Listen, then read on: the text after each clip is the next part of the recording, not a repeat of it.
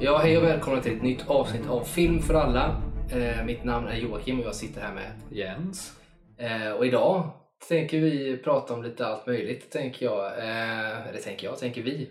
Vad har vi sett nu sist egentligen? Det är väl en, lite det vi ska ta, tänker jag. jag Ja, eh, lite så. Det var ju ändå... Eh, vad blir det nu? Det var två veckor sedan vi spelade in. ja, precis. Det har ju varit lite så. Så man har hunnit se lite. Eh, och, så. Det, och vi har ju som sagt pratat lite off, off podd också kring, kring vad vi har sett och så. Och jag har ju som sagt inte sett eh, den här eller hade inte sett den här Everything Everywhere All At Once som eh, ska vara så fantastiskt bra eh, med Michelle Yeoh i, i huvudrollen. Eh, men den har jag sett nu. Vad tyckte du om den? Ja, eh, folk hypar den. Eh, hade ju både du sa att den var bra och Ja. min kompis Stefan sa att den var bra också. Att, ja, det, att jag kommer gilla den. Eh, och det gör jag. Alltså det, jag har inget mer att säga att jag, att det, eller jag har massa att säga, men att, att jag tycker att den är bra, det är den. Det är en film som, ja, hur kan man säga? Det är en film som, eh, till skillnad från många filmer som görs till viss del idag, som jag vet att man kan klaga på, är att eh, filmen inte ri- riktigt vet vad det är för film. Den kan liksom inte riktigt bestämma sig. Här vet filmen, trots att den ändå kan vara något så här eklektisk och liksom eh, genreskiftande till viss del så vet den ändå vad det är för film. Det är liksom ändå med glimten i ögat. Den gör ganska mycket saker samtidigt som det finns ett ganska liksom, allvarlig underton i själva handlingen. Eh, som på många sätt är väldigt fin. Och jag landade när jag såg den i en gammal film som jag såg. Och det här är ett tips eh, om man kan få tag på den. En film som heter Ink. Eh, som är jättegammal, alltså den, eller jättegammal, men den är alltså från tidigt 2000-tal någonstans. Det är en, liksom en indiefilm gjord av en enskild regissör. Som Vad handlar, det handlar om en, en, en snubbe som i princip stjäl barns själar. Eh, liksom klädd i huva och kedjor och sådär. Och så är det lite mysterier kring det. Och jag ska inte spoila den egentligen för att man ska se den. Men den, den, är, den är ju väldigt, eh, på ett sätt effektmässigt ganska dåligt gjord och så vidare. Då, va? Och inga kända skådisar vad man vet och sådär. Och han som har regisserat den jag tror att hans senaste grej faktiskt kommer i år, eller kom förra året, och är en dokumentär om någonting. Alltså han har inte gjort någonting själv så. Mm. Men han har gjort, just den här Ink har ju verkligen blivit lite av en kultfilm vad jag förstår. Eh, så. Och den är, det är en sån här film för när man inser vad det i slutet är. Jag satt och storebölade till den för att den är, trots att den ändå är så liksom, kvaliteten på den ganska dålig så är ändå insatserna, skådisarna och handlingen och det det faktiskt visar sig vara ganska fint så att jag satt ju och var superledsen efter det. Men jag, jag tänkte på det när jag såg eh, den här just för att den hade lite samma ton. Den, den var liksom på ett sätt inte dåligt gjord men det fanns en, en, en skojfriskhet och en glimten i ögat och någonting som gjorde att man kanske inte tog den för seriöst men det fanns ändå en allvarlig underton som i slutet sen visar sig så att man faktiskt kan liksom gråta en skvätt och tycka att det är väldigt fint. Alltså. Eh, och, och, samtidigt som den leker med ganska avancerade teman och sådär. Eh, så att jag tycker att den är helt klart eh, sevärd och, och framförallt så vill jag ju eh, intressant nog så lyfte ju Stefan, min kompis, när vi pratade om det här just att han tycker att vi skulle prata i podden om eh, multiverses. Mm. För att det har blivit så populärt med olika multiverses nu. Och det är en intressant tanke för att de leker med det i, i den här också. Och det finns i hela Marvel-världen och även i DC, alltså comic books och sådär. Så att, ehm, man kan absolut prata om multiverse någon gång, men, men det är intressant i alla fall. Och, fast här är det mer abstrakt eller obskyrt kan man säga i den här. Men det som jag vill slå ett slag för är ju framförallt, nu kommer jag inte ihåg vad han heter, men som spelade mannen till Michelle Yeoh. Eh, alltså, eh, han spelade ju Han spelar short round i Short Round i Indiana Jones and the Temple of Doom, alltså Indiana Jones 2 om man vill säga så, eh, när han var väldigt, väldigt ung. Eh, och han spelar och gör en sån jävla bra insats så att jag vet inte riktigt vad jag ska, vad jag ska tycka eller tro för jag, mig vetligen, alltså han har ju säkert skådespelat någonting sådär innan Alltså i stort sett nästan ingenting. Nej, jag, jag har för mig att han inte gjort så mycket alls. Det är inte hos oss, alltså så i väst i alla fall. eh, så. Men eh, han, han, gör, alltså, han gör det så otroligt bra. Alltså, och inte bara, han, visst han liksom sparkar och slåss och gör de bitarna också. Men hans liksom, liksom själva dramaförmågan, alltså själva skådespelandet, att alltså, locka fram känslor ur folk och dessutom då, utan att spoila för mycket, spela olika typer av karaktärer Mm. eller sig själv vill man säga. Så är, nej, det tyckte jag nästan var det mest magiska med, med hela filmen. Han, han var behållningen skulle jag säga med, med allt egentligen. Han var fruktansvärt bra. Jag tycker ju, alltså jag gillar ju den filmen väldigt mycket. Och jag, eh, alltså dels så var det en film, en sån där film som man bara, man bara hänger med.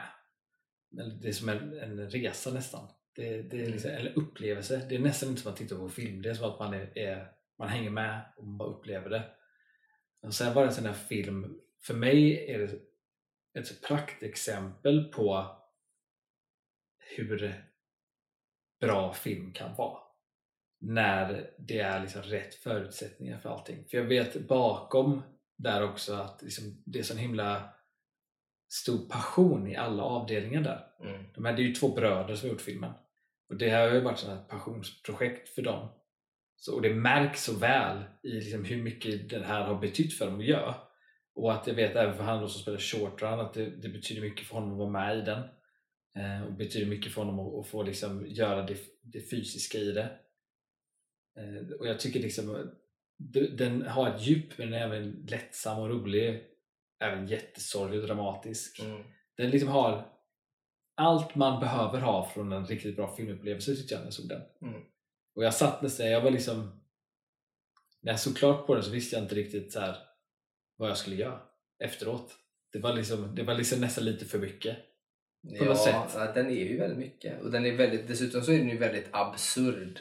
Alltså Mm. den är ju väldigt absurd i, i form av, av att man inte riktigt förstår varför, det förstår man sen, varför man typ äter läppstift eller medvetet ger sig själv papercuts mellan fingrarna och så vidare. Eh, så att den, på det sättet är den absurd. Men eh, nej, svinbra film, väldigt, väldigt speciell film. Jag, eh, alltså, man kan jämföra, jag ska inte jämföra för att det är egentligen vitt skilda saker, men den är inte helt olik sett till sin känsla och stil när det kommer till både till fighting och till humor och sånt som typ Scott Pilgrim eh, versus the World. Ehm, Ja men lite, alltså det händer liksom mycket. Ja, och också att det är lite så här, för båda de två känns ju väldigt ändå comic bookiga i sig och är uppbyggda lite på ett sånt liksom, nästan filmiskt sätt på det sättet. Nej, Jag tycker att det finns en viss sån eh, känsla i det. Ehm, med typ bossfighter och så vidare. Typ. Nu är det inte bossfighter här på det sättet, men, men nej, den är svinbra, eh, helt klart. Sen har jag inte riktigt bestämt, jag kan inte riktigt, jag har nog inte riktigt smält den faktiskt. För jag tycker att eh, den känns lite, eller många så koncept i den och liksom saker som händer under, under filmens gång känns som så typiska så att säga independent eh, lågbudgetgrejer som man så här, som, som jag kan tänka mig så här att man som så här tidig i sin karriär vill göra.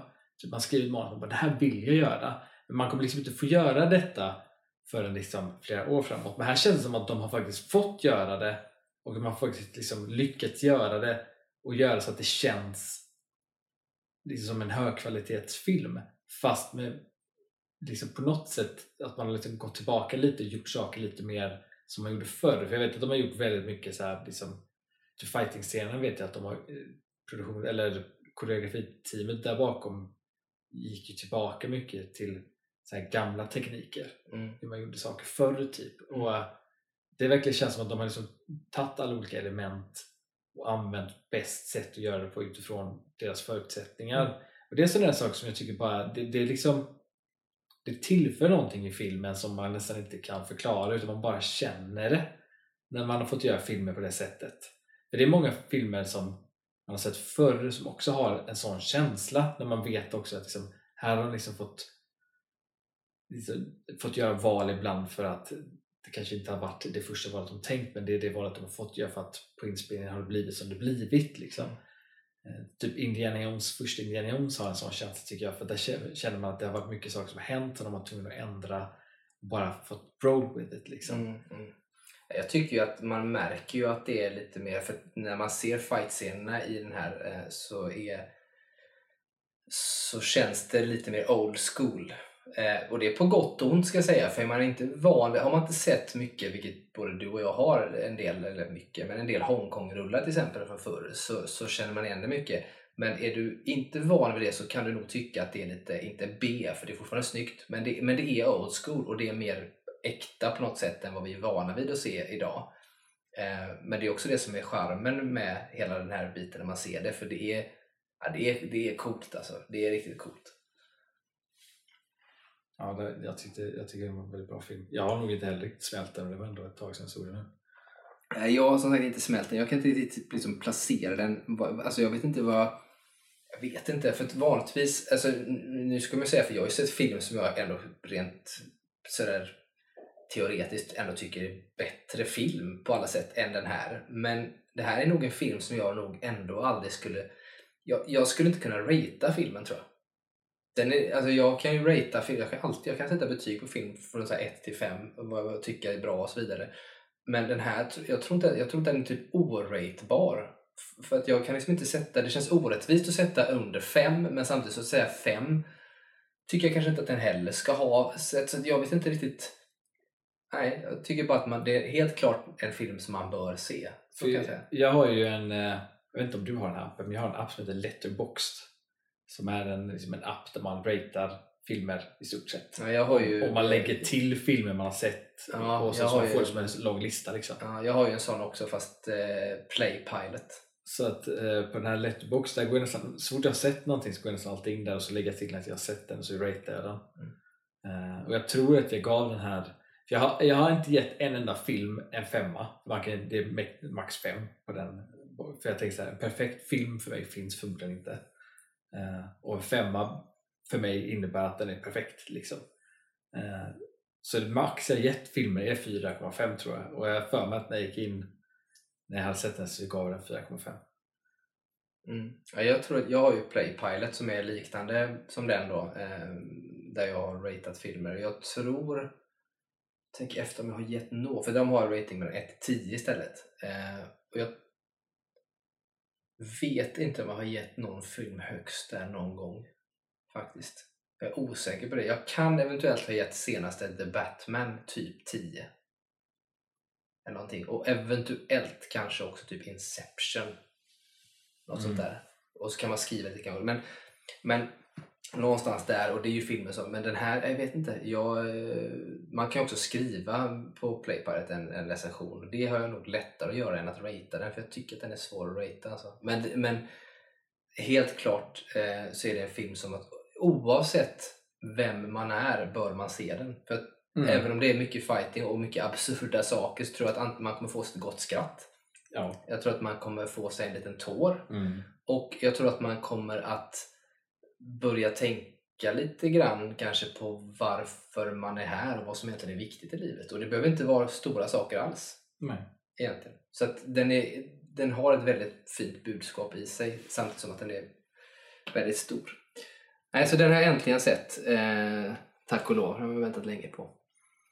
Och sen har jag ju också hoppat vidare till nästa film som jag har sett. Eh, och det är ju, jag har sett flera, men jag har sett The Unbearable Weight of Massive Talent. Eh, alltså en Nicolas Cage. Som vi nämnt tidigare Eh, någon gång, ja, där han spelar en version av sig själv. Eh, ja, precis. Han spelar, han spelar sig själv fast ja, han spelar sig själv. Han är inte sig själv, han spelar Nej, han sig spelar själv sig. kan man säga. Ehm, och den ska jag inte prata om för du har inte sett den eller? Mm, Alltså, du kan... Om det är någon spoiler så spoila. nej, men jag, ska, men, jag ska inte säga så, nej, men jag ska inte Men, säga så eh, mycket om den. Säg vad du tyckte var bra och inte bra. Nej, men jag ska inte säga så mycket om den så- alltså, så egentligen. Jag ska bara säga att jag, jag har sett den och jag tycker ju att alltså, det är ju, den är ju som väntat Nicolas Cage-ig. Alltså det är inga konstigheter. Men de leker rätt mycket med det, vilket man förväntade sig. Det var ju väntat att man skulle leka ganska mycket med det. Eh, han har ju en, en, ett litet ska man säga, spöke eller en, någon form av så här dissociativ personlighetsstörning. Alltså han, han pratar med sig själv hela tiden fast en, en Mm. yngre version av sig själv som han Okej. dessutom eh, i en scen eh, hånglar med. Eh, då, ehm, som hela tiden, ja, det, det handlar lite grann, hans inre resa i filmen handlar om att varför han jobbar så mycket. eh, Så här, varför han jobbar så mycket och vad det är han vill med det kontra att vara en god familjefar till sin dotter. Då. Det är liksom det som är hans inre resa. Den yttre resan är någon annan och det kommer jag inte spoila. Men eh, den är också... Eh, jag ska inte säga för mycket för det blir intressant sen när du har sett den. Jag tycker att den alltså första delen av den eh, är bra. Sen så tycker jag att den lite grann, som många gör, tappar sig själv lite grann i slutet kanske och bara Mm. blir lite så här, ja, det var som det var. Men sett till en sån typ av film så är det nog svårt att göra ett riktigt jävla bra slut på den. Alltså på det sättet. Så att, eh, men också väldigt rolig. Ja, Den är ju helt klart också sevärd, eh, ska jag säga. Så den kan man absolut se. Ja, det är intressant. Uh, jag har sett, läst flera saker. En sak jag såg på Reaction var ju den här uh, thrillerskräckfilmen The Black Phone. Just det, Ethan Hawke. det skulle jag säga, för den har jag sett. Har du sett också. den? Ja. För den, eh, den tyckte jag, som sagt så har jag sagt förut i den här podden att jag inte är jätteförtjust i att titta på skräckfilm. eh, För att jag blir sällan rädd eh, av dem. För att jag liksom vet vad som ska hända. Men det som jag tyckte var väldigt bra med den här filmen var att så poängen var inte att bli rädd. Poängen var att det skulle liksom vara typ obehagligt och mysterium och förväntansfullt. Och jag tyckte att den var, den var så himla bra på det sättet att jag hela tiden satt och bara undrade vart det skulle gå typ. Speciellt då för, för det handlar ju om eh, en pojke som blir tagen av en liksom, seriemördare och man följer honom liksom när han är fast och ska försöka, Mm. eller vill rymma liksom. The Grabber. Ja, Ja. ehm, och liksom se, se liksom för jag förväntade mig också, liksom, i trailern tyckte jag det framgick som att det skulle vara relativt alltså, som man, saker man sett innan. Liksom. Ja, seriemördare som fångar någon och ska vi se dem ta sig därifrån. Mm, mm. Men det var liksom element av alltså, övernaturligt med i den här filmen som jag inte visste skulle vara med. Som jag tyckte de gjorde så himla bra. Och så himla, alltså, det kändes så liksom, även fast det inte är nytt på något sätt, men det kändes typ nytt. Och det kändes Ja, fräscht. ja det nej, jag håller med dig. Och det är ju inte nytt att, att alltså, övernaturliga saker i skräckfilmer är inte Nej. nytt överhuvudtaget. Men däremot eh, sättet de använde det på. För jag, blev, jag var ju beredd på att det skulle vara övernaturligt. Det var ju så. Men när jag såg den så ska man också, det är ju ingen spoiler inte, men det är också lite grann så här hur tidigt det introduceras. Mm. och hur mycket av det som de faktiskt använder i filmen trots att det är väldigt oklart huruvida det finns på riktigt eller inte. Alltså, man, det är ett element av är det liksom, liksom schizofreni? Är det hallucination? Är det sådana bitar? Och, eller är det någonting annat? Och de gör det väldigt skickligt. Och, och så, återigen, sådana grejer man kan prata om Ethan Hawke som är en fantastisk skådespelare. Och det är han ju här med. Men, Ja. men, men han är ju inte så mycket, alltså man ser ju honom inte så mycket kan man säga. Nej, det var det jag också tyckte var så himla intressant med den. Att liksom antagonisten är knappt liksom med. Alltså hans närvaro är ju där konstant. Ja.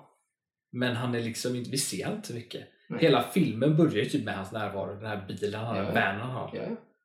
Han, han liksom känns som att han bara är där konstant. Men vi ser han bara ibland. Ja, och sen finns det ju då, vi ska inte spoila för mycket, men det finns ju då eh, element i, alltså anledningen till varför man inte ser honom så mycket och element i varför det blir så intressant med just det, och det ska vi inte säga kanske så, men det är också intressant att Ethan Hawke som är en ganska stor känd skådespelare väljer att göra en sån här roll med tanke på hur andra skådespelare och, eller framförallt kanske deras agenter ofta vill att de ska vara på film och sådär då.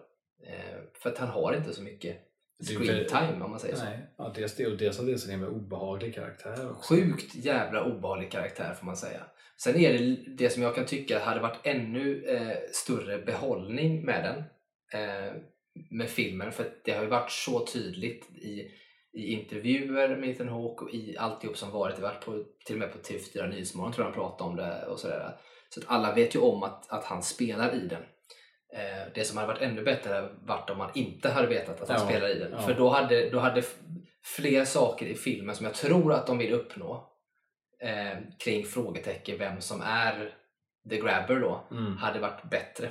Mm. tror jag. Ja, men det, det, Jag håller nog med om att det är Eh, så det, det tycker jag är lite synd. Men sen måste jag också ge, ge en stor jävla eloge åt den här, eh, Inte konstigt på något sätt, men jag måste ge en stor eloge till barnskådisarna. som Ja, är så jävla bra. jävla bra. Eh, Alltså jag älskar, jag älskar när man så ser barnskådisar som alltså är så jävla bra. ja, och då och är det ju liksom... är alla barnskådisar bra också. Ja, det är lite det jag tänkte komma till. För det är verkligen...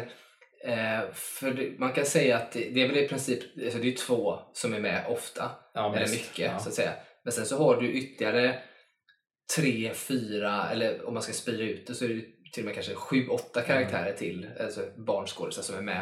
Eh, varierande liksom, tid eh, såklart. Men, men alla Mm. och framförallt de två då som är med mest, är så fruktansvärt Mm. jävla bra. Eh, och det blev jag imponerad över. Jag blev tvungen att kolla sen vad har de gjort tidigare så här, och det är ju ingen av dem som har gjort Ja, jag gick också in och särskilt, kollade. jag särskilt mycket. Liksom. Och Ja. är så här bara, shit, och det är ju dels är det ju också för att de är duktiga och har det i sig. Men för mig säger det ganska mycket om hur regissören väljer att göra i filmen. För det handlar om att locka fram det, framförallt när det är Mm. liksom kids som är med och spelar då, så är det inte så lätt att göra det, framförallt om du inte är så van vid det. Då, va? Så att det är ju skickligt eh, gjort av regissör, men det är också fantastiska skådespelare. De är grymt duktiga. Och filmen har väl, vad jag skulle säga, inte kanske ett oväntat slut, men det är ändå oväntat. Ett, o, ett oväntat oväntat slut. Eller oväntat väntat slut, så kanske det är. Ja, och det, det är en av de här också på något sätt de här liksom thrillerskräckfilmerna som jag det, det liksom slutar som jag vill att det ska sluta. Alltså för ofta vill jag, för många skräckfilmer på ett eller annat sätt slutar ju alltid lyckligt på något sätt. Alltså att någon klarar sig Ja, och så vidare. Och ofta kan jag vara såhär typ, "Åh, det här kanske är bättre om de inte hade klarat sig eller det här det kanske är bättre om den personen gjorde någonting annat eller liknande. Men här var jag så här bara glad att det blev som det blev Ja. i slutet. Ja, eller framförallt i sådana filmer så kan man också liksom, kanske störa sig, man kan störa sig enormt mycket på vissa beslut Mm. karaktärer tar. Och också sådana här saker som är väntat att eh, tar som exempel från en film när, när de, typ som så-film eller vad fan som helst, så här, när de ska typ fly någonstans ifrån, ja men då kommer det bad guy eller någonting att hända så det inte går. Ehm, Men det är någonting, det här övernaturliga elementet i filmen ja, används jätteväl för att motivera besluten. Speciellt hos de här två barnskådisarna som är med så mycket.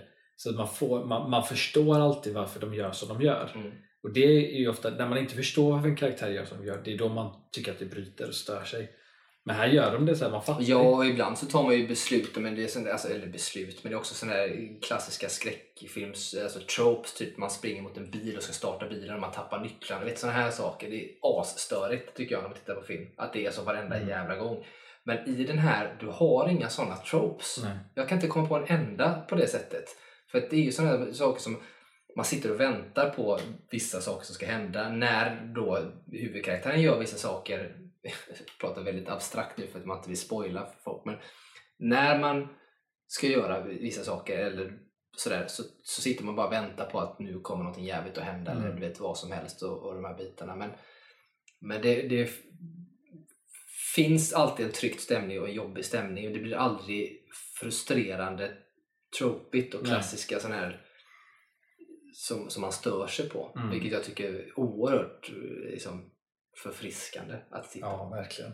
Så att, Jag eh, re- rekommenderar verkligen folk att kolla på den filmen alltså.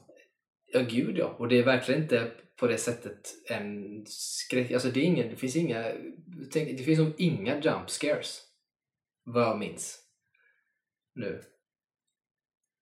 En jump scare som, som väldigt tydligt är en jump scare. Men som, som jag inte tog, för jag, alltså, jag vet inte, jag är, jag är ju konstig. Jag kan typ inte liksom bli och hoppa till. Alltså även om jag typ blir men förvånad det- så kan jag inte hoppa till. Nej, men jag Men det är jag en. inte till heller. Men... Eh, och det är, det är ju en av de här övernaturliga. När, jag tror det, om det är, Ja, ja, ja, ja, jag vet vad du menar. ja, Jag vet vad du menar. Ja, det är, om det är första eller andra gången man ser ja, någonting. ja, jag, vet, jag vet vad du menar. Men det är som sagt det är, ja, väldigt lite. Sen är ju som att även om jag blir förvånad eller det är en sån så jag reagerar ju väldigt, jag har aldrig reagerat fysiskt. Jag sitter ju bara där. Men det de gör bra också är precis som du sa att man sitter, att liksom när man sitter och förväntar sig eller man så oj nu händer kanske någonting snart. sånt är det ju med i den. Men det liksom leder ju inte till att det blir en jumpscare utan det är bara det här man sitter och spänner och undrar vad som ska hända. Det är bara det här, det är bara väntan till. Ja, och det, Och det är ju det som är det bästa i såna grejer. Ja, och det som är intressant är att de, de, när man gör filmen, de som gör den, ska säga, men när, när man väljer att göra den så är det så här att de vet ju om alla de här skräckfilmstropesen och spelar ju på att folk vet om dem. Mm. Mm. Och därför gör de dem inte. Mm. För att man behöver inte göra det igen utan man vet bara att folk är medvetna om det här, att det här, så här brukar det funka och därför kan de välja att gå i en annan riktning och göra och då blir det så jävla mycket bättre. Det blir så sjukt mycket bättre. Och det är verkligen så här, det är ingen film som man, man liksom blir rädd för på det sättet. Men däremot så mår man ju dåligt av den på det sättet för den är obehaglig som fan. Mm. Ehm, och sådär. Så den biten, elementet finns ju med såklart. Men det är verkligen ingen liksom, skräckfilm för sådana som gillar ja, verkligen inte någon som gillar slasherfilmer. Sådär. Men jag skulle, om att ta exempel, jag tycker ju till exempel att eh, första i alla fall, The Conjuring, tycker jag är helt okej skräckfilm. Eh, det är inte heller supermycket jump scares i den.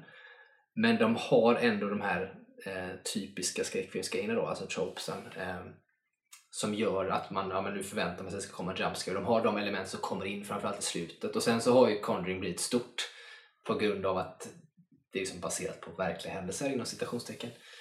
Um, och de bitarna då. va. Så att, och, och, så att jag tycker att de är, de är bra men i första Conjuring så tycker jag också att de ändå leker rätt mycket med att de inte först drar upp alla de här tropesen men sen blir det så ändå.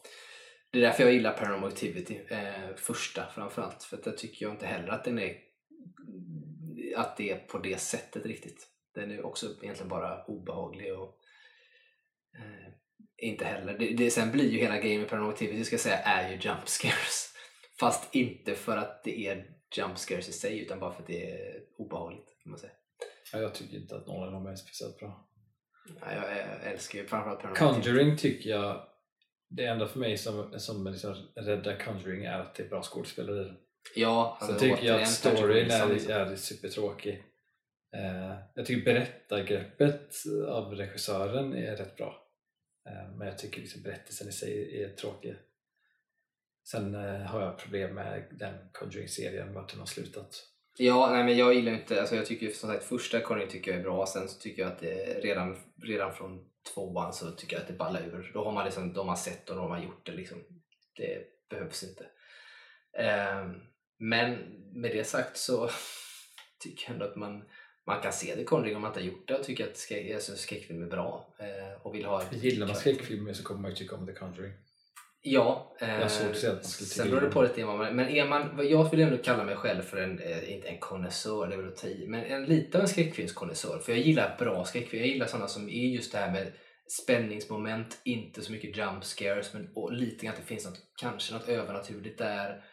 Ehm, och då tycker jag ändå att just första Conjuring, Paranormal Activity 1 och kanske tvåan eh, kan man se. Black Phone, absolut se. Ehm, Ja, så att eh, det tycker jag absolut. Men Black Phone, fantastisk film, fantastiska skådespelare. Bra musik ska jag säga också. Det är Ja. jävligt bra musik. Det det. Ehm, nu kollade jag upp en och nu kommer jag inte ihåg vem det var för att det var en annan som jag kollade på som också hade sjukt bra musik. Det har ju eh, den Everywhere eh, Everything Everywhere All At Once har ju också bra musik ska jag Mm. tillägga. Eh, jag får inte vara någonting annat jag har sett också. Ja, ja, vi Ja. släpper Black Jag, Phone i alla fall. eh, en, en film jag har sett också är ju den här nya Elvis. Mm. Eh, av Baz Luhrmann. Mm. Känd från... Moulin Rouge har han gjort. Han gjorde Australia, The Great Gatsby. Eh, och någonting, Romeo och Julia. Icke, Ja, Romeo och icke att Julia, förglömma. eh, och Ballroom Dancing heter väl hans första film tror jag. Ja, något sånt. För det är ju The, The Ballroom Dancing tror jag och eh, Romeo och Julia och Moulin Rouge är typ en trilogi Ja, det stämmer nog. eh, av eh, koncept. Typ, ja, ja, Eh, berätta på olika sätt. ja. Att första berättar med dans, andra berättar med poesi och tredje berättar med sång. Typ. Eh, men ja, alltså, eh, Baz Luhrmann, han, gör inte, han har ju inte gjort alltså, så många filmer. Jag tror att den här Elvis är typ hans femte eller sjätte film. Så att det går alltid väldigt lång tid mellan att han gör en film. Mm. Liksom. Men han är sån här... För Moulin Rouge, jag älskar Moulin Rouge, det är typ den bästa filmen han har gjort. Tycker jag. Eh, och sen tycker jag att jag blev liksom slagen efter jag hade sett, eller typ under tiden jag såg filmen, är så här. Jag började så här tänka bakom typ hur de har gjort filmen. För hans filmer är ju så specifika med det här hur han använder kameran. Typ så här, Det är mycket inåkningar och snurr på kameran och vinklar som är från olika håll och- mycket klipp. Och, eh, speciellt också är det mycket klipp så här i en scen som klipper tillbaka till någonting som varit förut och så tillbaka igen och så fram och tillbaka. Mycket sånt berättande. Och jag satt liksom under den filmen och bara tänkte och det kommer jag ihåg att jag satt och tänkte under Great Gatsby och Australia också. Där jag fattar inte hur han har planerat för film. För att jag har svårt att se, alltså, för det är så mycket med och så, så himla liksom, finjusteringar med i det så att det kan inte liksom, för mig är det omöjligt att de bara liksom, suttit och fått det här, till det här i, i klippningen liksom. Eh, så att det måste liksom vara planerat från förproduktion väldigt mer detaljerad än man kanske tänker sig att det är. Eftersom det är så himla mycket klipp och sånt så kan man tänka sig så här att man har manipulerat i efterhand väldigt mycket och kommer på idéer. Men det är så himla, det är så, så detaljerat i saker så att det, han måste ha tänkt på det innan. Han måste ha tänkt på att den här grejen som han har där ska liksom funka ihop med klippet som övergår till en annan scen där. Och då blir det mer bara så här, hur, hur får han fram de här visuella idéerna från start? För det är så himla det är så mycket så stort och så himla finurligt ibland så jag blir, jag blir sitter med och blir bara så förvånad över hur, hur han har gjort filmen och hur han tänker rent hur den görs. Sen så tycker jag att filmen i sig eh, var bra. Inte det bästa han har gjort. Eh, Hur var, om vi får komma till, jag bara undrar, hur var Austin Butler som Elvis? jag tycker att han var svinduktig. Alltså han var, han var, ju, han var verkligen som hjärtat i filmen. Alltså det var liksom det som gjorde att man liksom tittade hela tiden på något sätt. Uh, för att jag blev, jag blev mest också förvånad över hur lite jag faktiskt vet om Elvis. Alltså när jag såg filmen. Men också att jag inte, jag tyckte inte heller att den gick in så mycket på liksom den var inte så liksom traditionell på det sättet som många så här bi- biopic-filmer är att man följer liksom hur en verklig person, liksom hur deras uppväxt var och sen hur de blev kända och så vidare. Det här var väldigt mycket Det så här... skulle väl inte vara det heller? Det, det Nej. är ju ändå en Baz Luhrmann Ja, och den var väldigt mycket mer så här på något sätt en spegling av så här vad liksom hans fans och vad folk som är fans och idén av honom på något sätt och liksom mycket av liksom vad han vad för liksom på något sätt känsloläge han är i och vad han betyder för folk på något sätt. Eh, för det ges liksom inte så mycket förklaringar de nämner lite hur han växte upp men det är inte så mycket om hur han växte upp. Eh, och det är ju berättarkonceptet eller berättargreppet de gör i, i den här att hans agent Mm. det är the colonel som man kallar det. Så det är ju han som är typ en voice-over som typ berättar om det. Och han är ju egentligen, det tyckte jag var intressant för att han är ju egentligen, om man tittar på berättelsen om Elvis så är han egentligen inte så trevlig. Nej. Han, är liksom, han utnyttjar ju Elvis. Ja. Eh, vilket jag tycker Tom Hanks som spelar den rollen, de gör det jättebra för att han, man, man, man gillar honom ändå. Alltså jag tyckte även, fast jag vet att liksom han, han, är ju, han är inte så skön person så gör han det så bra att jag liksom vill se mer av Tom Hanks som Ja, men jag, liksom. jag, tror att man, jag tror att man har tänkt på, på det i castingbeslutet. typ. Ja, och jag tror liksom att eh, för det är mycket som att för han, han då berättar om Elvis eh, i olika liksom, skeenden typ under filmen då och berättar liksom hur, hur saker skedde och sånt och det är mycket så här jag tyckte att den var lite, hans filmer är ju ofta ganska långa jag tyckte att den var lite för lång och ändå läste jag idag att det finns en fyra timmars version vilket jag blir så här ja, jag vet inte. Oh my god, jag tycker Men, att eh, Australia är alldeles för lång. Ja. Ja, så den är lite för lång.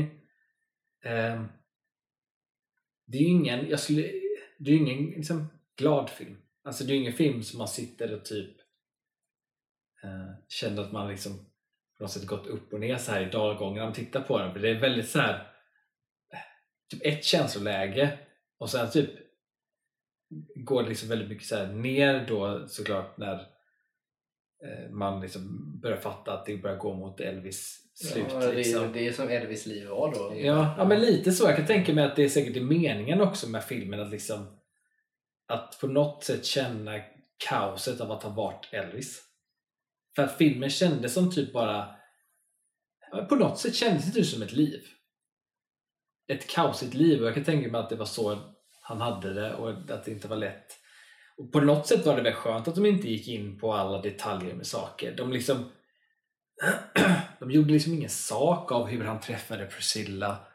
De gjorde inte direkt någon sak hur han träffade sin agent utan det händer och så fortsätter nästa grej. På något sätt var det skönt. Så det, liksom, det var en bra film. Jag tror att man säkert skulle tycka om den jättemycket om man är ett jätte-Elvis-fan. För då får du ut mer av musiken också. Ja, eller gör man det för just för att den inte går in på detaljerna, tänker jag. Men jag tror musiken, alltså om man, om man gillar hans musik så tror jag nog att man, för det är väldigt mycket av hans musik med. Både dels att han uppträder då, men också liksom invävt i filmen. Ja, för det var det jag skulle fråga lite grann kring just musiken där, för nu har jag gjort som sagt Moulin Rouge och Romeo och Julia bland annat. Och Romeo och Julia som såklart är Shakespeare-prosa, de pratar rent krasst Eh, i filmen, eh, så är det ju inslag av musikaliska nummer lite grann. Och även i Moulin Rouge så är det ju ganska mycket musikaliska nummer som en del i handlingen, alltså inte som uppträdanden. Ja, det är med i och för sig i Moulin Rouge, men, eh, men jag tänker mig i den här så har jag, jag har ju fått för mig att det ska vara att det ska bli typ som, eller att det är som en musikal. För dels har jag ju uppträdanden, men jag har också tänkt att det någonstans är musik med utöver uppträdandena som han gör. Men det kanske inte är så att han liksom brister ut i sång själv. Nej, det, det är ingen musikal på något sätt överhuvudtaget. Det är mer nu är det också mycket av Elvis alltså låtar vad jag, vad jag vet. Jag vet som sagt inte så mycket om Elvis från innan men det är låtar man känner igen från honom då såklart som sjungs av andra typ. Men det vet jag också, många av låtarna han använde var ju inte hans egna låtar. Det var ju inspelningar av låtar som han liksom växte upp med i Memphis och sånt. Mm. Så det är liksom, man hör ju andra varianter av låtar man har hört från honom under tiden. Eh, liksom typ när han blir inspirerad av någonting så typ klipper de tillbaka till sånt. Så att man liksom ser ju det. Eh, sen är det väl lite i och för sig, den är ju lite politisk också det, som att det kopplar tillbaka mycket till att han växte upp i ett svart område som en av de få vita där liksom. Nämner någonting om Vietnamkriget och så också? Eller? Alltså bara att han skickas dit. Ja. Eh, Eller han skickas eh, i alla fall ut. Ja. Ehm, han är ju inte borta längre, Det, det de nämner mest var att han träffade Priscilla under den tiden. Um, sen är det mest, alltså det som jag tyckte var den var så, för mig var det så det var på något sätt en väldigt så här, sorglig film. För att det, det mesta av, liksom, jag skulle säga typ tredje akten av filmen man känner bara att Elvis är, är fångad. För att när han liksom gör sin eh, han blir liksom, han får ju typ en, efter han har varit i militären det så blir han ju liksom eh, en dal, dal neråt typ i hans karriär. Mm. Sen så gör han en comeback och när han gör den här comebacken så märker man att liksom, han får tillbaka det han vill göra. Liksom. Han går tillbaka till sina rötter och liksom, han, vill komma ut i världen och visa världen och sjunga för alla liksom. Och bara visa vad han kan och vill göra liksom. Men så hamnar han ju i Las Vegas och där blir han liksom i stort sett få, fångad liksom. Eh, och kommer ju aldrig därifrån. Och det, han gör inte, han dör där. Mm. Liksom. Och där, där blev han liksom där blev det bara som man kände vad fan vad tragiskt och fan vad liksom bara sorgligt egentligen. Mm. Och att jag tycker nästan att alltså det bästa typ i hela filmen är typ den allra sista scenen när man får se hans här, sista uppträdande typ. Eh, som jag, jag är inte ens säker på om...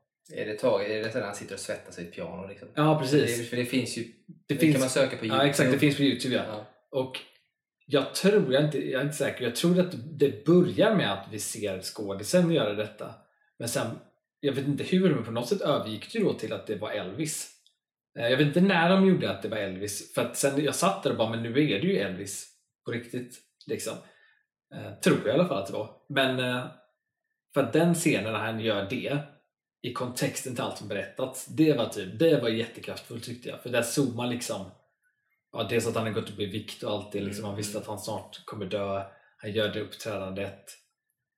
Och det är så jävla liksom, kraft. Man ser att han orkar ju typ inte egentligen men han sjunger så jävla bra och så jävla liksom, känslosamt i det den sista grejen de visar. Alltså. Mm. Ja, det är lite som, eh, om man ska dra en, en liten parallell till en annan biopic och det är ju alltså Freddie Mercurys som gjordes. Eller det är ju en, det är en biopic fast det är också en, en som jag också tycker gör lite rätt i att man inte går in i alla jävla detaljer. Så. Jag tycker att det är rätt skönt när man inte behöver gå in och förklara allt utan man bara följer en karaktär egentligen och dess typ mående i. Så eh, och Lite samma sak är det ju där att det blir så kraftfullt när man dels ser skådisen göra saker men man också har den andra.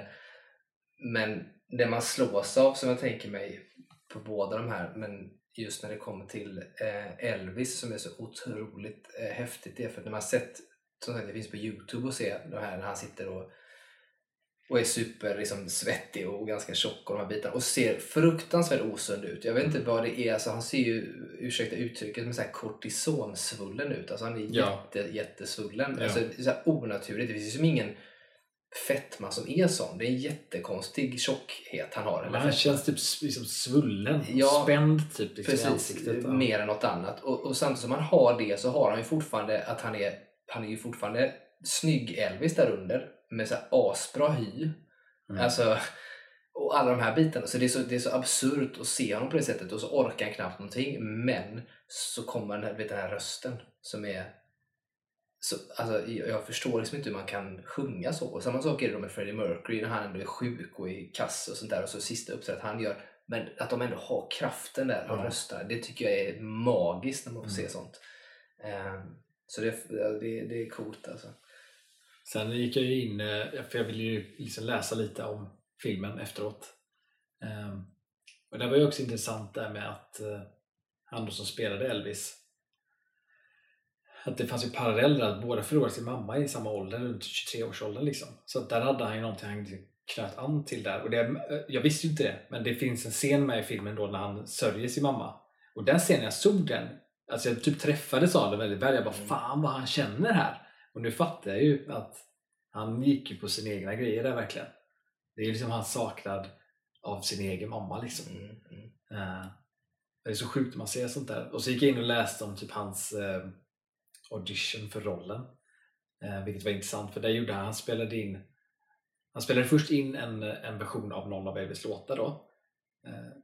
och sen tittade han på den här för mig och så var han inte riktigt nöjd med den och tyckte inte att det var så jävla bra. Han vet inte om han skulle skicka in det eller inte. Och så typ väntade han lite med det. Och sen typ tänkte han på en annan låt och så tänkte han då på sin mamma. Och så var det en låt, jag kommer inte ihåg vilken låt det var, men det var en låt som eh, han då sa att de flesta människorna brukar tolka det som då en, en romantisk låt. Eh, mellan man och kvinna, någon av hennes låtar. Men så sa han då, undrar hur det skulle bli om jag sjöng den här liksom, till min mamma. Liksom. Så han satte sig och spelade in sig själv, typ, jag för mig att han sa att han typ vaknade sent liksom, och gjorde det jättesent i sin typ eh, morgonrock typ. Eh, satt och så spelade han in den versionen av det. Och då gick jag in och så skickade han in den då och så läste jag vad Baz Luhrmann, regissören, mm. sagt när han hade sett det här och att han hade blivit tagen av det för att han visste inte om han såg typ en audition eller ett breakdown när han såg den. Så det var liksom det som fick intresset. Jag tyckte det var så intressant att se liksom vad, vad den här skådespelaren då hans liksom ingångspunkt i rollen och jag tycker det märks för att han, han gör det bra fastän att det egentligen inte jag vet inte, han är ju med hela tiden men Baz Luhrmann har ju så himla det är så mycket fram och tillbaka i hans filmer konstant med saker så det känns som att han typ inte är med fast han är alltid där men ändå så tyckte jag liksom att han gjorde en jättebra insats den skådisen. Ja, jag är nyfiken på vilken låt det var. Jag tänker så Unchained Melody. Liksom. Men den, det är ju ingen Elvis original och det är ju... Behöver inte vara ett Elvis original. Nej, men Unchained Melody och den är ju med i filmen Ghost. Det var ju där den blev känd. Eh, mm. Med Demi Moore och Patrick Swayze. Eh, det är ju fantastisk. Den är ju otroligt bra den jäkla låten. Eh, och den kan jag tänka mig, för den är ju verkligen känslosam överlag. Så att säga. Men ja, Bra film. Men jag tycker att det är lite klassiskt Baz Luhrmann eh, överhuvudtaget det du berättar. För tittar man på, på Moulin Rouge, tittar man på Romeo och Julia så har han ju alltid filmer då det är sjukt mycket det är så party, det är glitter, mm. det är stort, det är liksom snabba klipp, händer mycket, bam, bam, bam, allt sådär. Och, och sen helt plötsligt bara faller allting platt. eller inte platt, men det, blir, det händer någonting och så är det hemskt som Mm, fan istället. Alltså det blir en sån vändning i det. Och det som blir, jag vet inte om han tänker på det, det gör han ju säkert då, men han gör det over the top och det är stort och alltihop. Och sen blir det då, när man gör på det sättet och sen blir det den här hemska svackan som kommer, oavsett det är Moulin Rouge eller vad som helst. För alla filmer han har gjort slutar med nästan lite melankolisk känsla Mm. på något sätt. Och när man då gör den här over the top och det här grejen och bryter ner det sen, då lämnas man ju med en enorm tomhet i sig Mm. istället. Från allt glitter, glamour, stort och fest och alltihop till ingenting. Och det är ju det som man då känner när man ser hans filmer, vilket man kan tycka vad man vill om. Men det lämnar ju intryck eh, kvar hos en, eller avtryck. säga. Sen gjorde han, han hade också lite med ett berättargrepp med musik i den här filmen som han hade med för jag vet att han, han berättade när han gjorde The Great Gatsby så gjorde han samma typ av berättargrepp med musik. För i The Great Gatsby så använde han ju modern musik Mm.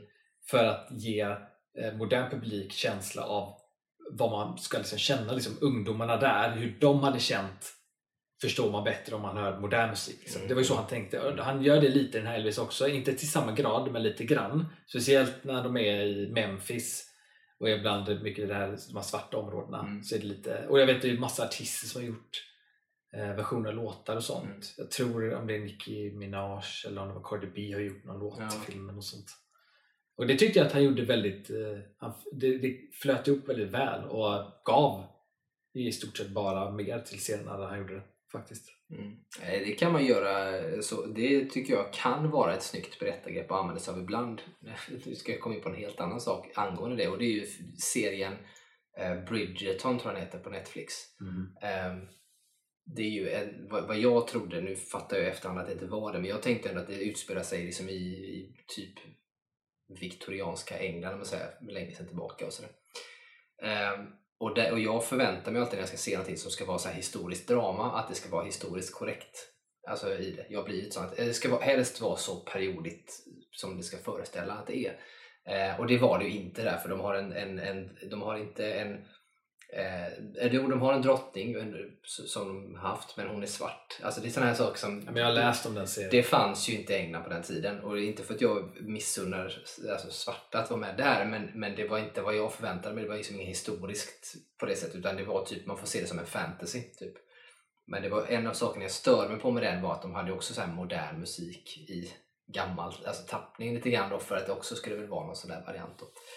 Ehm, och den är säkert bra om man tycker om så här romantisk, vad ska man säga, alltså kärleksfantasy typ. Så är den säkert bra. Och tycker om sådana typer av så här ungdomsserier typ.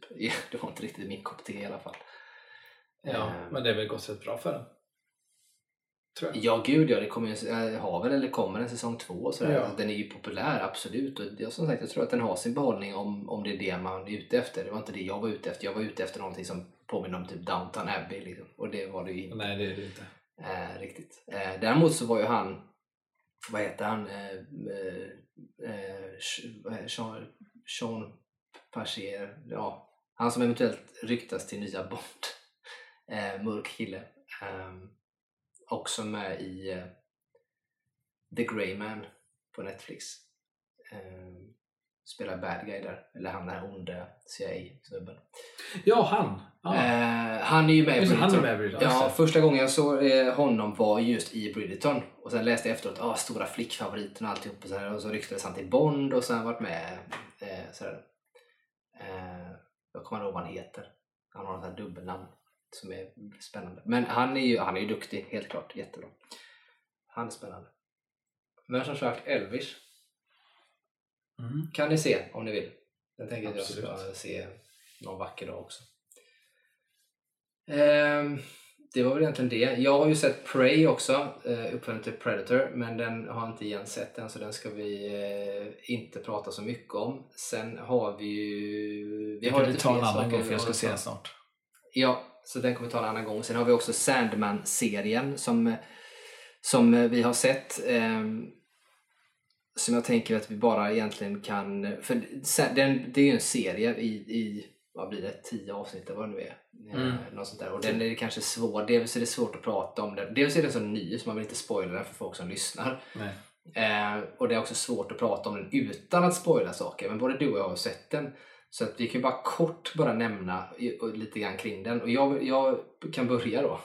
Jag bara säga att jag tycker att det är, inte den bästa, men en av de bästa serierna jag sett. Och då pratar vi kanske en topp 10-lista av serier och kanske topp Ja, jag vågar inte säga någonting för jag har säkert glömt någonting, men jag ska säga topp 2 som Netflix har släppt. Och då räknar jag Stranger Things på ettan. Liksom. Eh, så pass bra var den. Bra skådisar, eh, bra miljöer, bra berättande, alla sådana saker. Så att jag tycker att den är, den är superbra. Vad, vad säger du? Ja, det som jag tyckte var det allra bästa med den här serien var att det fanns liksom en genomgående lös röd tråd genom hela säsongen men varje avsnitt var inte beroende av den röda tråden. Varje avsnitt var sin egen grej vilket bara var uppfriskande och skönt att kunna se en serie utan att behöva hela tiden tänka hur ska det påverka nästa grej? Utan det var bara första avsnittet. Du kan i stort sett se första avsnittet och aldrig se resten. Så har du haft ett jättebra avsnitt att se. Du kan se avsnitt 5 och bara se avsnitt 5 och inte något annat avsnitt och du kommer ha haft en jättebra upplevelse ändå. Det spelar ingen roll. Så det var typ det som gjorde serien för mig. Mm. Jag håller med. Jag håller med helt i det. det är, ehm, hela den biten. Sen så är det ju baserat på, då, på, på comicboken av Neil Gaiman som bland annat gjort American Gods eh, och som jag alltid glömmer namnet på, eh, som också finns på Amazon Prime. För att de, de går på Amazon Prime nämligen, men den här är ju på Netflix då. Eh, Sandman, kort vad den handlar om. Alltså Sandman är ju alltså John Blund kan man säga. Sandman, Dream, Morpheus. Alltså han har många namn. Det är alltså inte ens en gud utan de kallas för The Endless. Endless ja. Eh, de ändlösa. Så att det, vad, vad det är vet vi inte. I serien vet vi inte riktigt det. Ni som är Sandman-nördar vet kanske. Men i serien vet vi inte riktigt vad The Endless är. Men The Endless är ju någonting som på något sätt både kanske är mindre än gudar men på ett sätt kanske också större än gudar. Ja, och lite också att de finns för att vi finns. Ja, så att jag menar att de är mindre kanske än gudar för att de är på något sätt beroende av mm, oss människor och så vidare. Men den har väldigt, eh, som sagt, fri, fristående, fristående avsnitt är ta i, men de står väl för sig själv och den här lilla röda tråden som finns och dessutom det intressanta är att man får ändå tid att reflektera över ganska liksom, stora filosofiska frågor, vilket jag kan uppskatta. Liksom, vad, vad egentligen betydelsen har av ja, hopp, drömmar, och vad Mm. det kan betyda för en och så vidare. Så jag tycker att den är, den är fantastiskt bra. Och snygg och bra musik, eh, ska jag säga. Jag tror att hon som gör musik, jag tror att det är Sarah, jag vet inte om man uttalar det, Che- Che- Checker kanske, eller något där, som gör musiken. Hon har gjort musiken bland annat till eh, till Biowares spel Anthem som jag också kommer ihåg att jag tyckte var så jävla bra musik och tvungen att kolla upp den. Så, så hon har gjort lite sånt. Hon har inte gjort så mycket till film eller serier innan så det här är väl en av de första stora egentligen. Men de spelen jag har spelat de, har jag alltid tänkt på musiken är så bra så kollar jag upp det och ser att det är hon. Tänker att hon är grym på musik alltså. Så att även här är det bra musik. Och som sagt, bra skådisar, visuellt, eh, visuellt snygg. Så att eh, bara en rekommendation. Vi kanske får anledning att återkomma till när vi har pratat serien en gång. Eh, igen, gå mer in på djupet på, på det. Mm. Dessutom så är det lite grann så man kan ju vara hur nördig som helst men det finns ju sjukt mycket mytologi kring det och man kan läsa in sig på det. Men man kan ju också prata om de stora temana och vad det faktiskt kan betyda rent filosofiskt. Men då blir vi lite grann av en filosofipodcast också. Filosofi för alla. Eh, filosofi för alla ja. Det får ett avsnitt kanske heta så småningom. Men vi säger inte så mycket mer än så för den är så pass ny så att se den, eh, ni som vill se den, eh, högt eh, rekommenderad. Det, man ska vara beredd på dock, eh, ska jag säga. För att man tänker ändå, för det är ju en eh, Neil Gaiman som gör comic books, man tänker att det är en superhjälteserie. Vilket på ett del kan man ju se det som på det sättet, men det är ingen action på det sättet. Alltså det är inte Alltså vet, vet man inte om att det är baserat på en serietidning så kommer du aldrig tänka på det. Nej. Förmodligen, men tänker man så här The Sandman och, man, och får den biten på att det ska vara ah, The Sandman som en superhjältegrej. Det är inte det. Det är Nej. mycket, mycket mer av drama i det. Det finns action-element, men det är mycket mer drama. Ja, Ja, något ytterligare vi vill säga till lyssnarna innan vi tackar för oss? det känns som att det varit lagom mycket olika saker vi sett och diskuterat. Ja, Jag tror det, och då har vi ändå saker kvar. Mm. säga, Som alltid. Ja. Men det får ni höra nästa vecka, tänker jag. Yes. Ha det fint så länge. Ha det bra.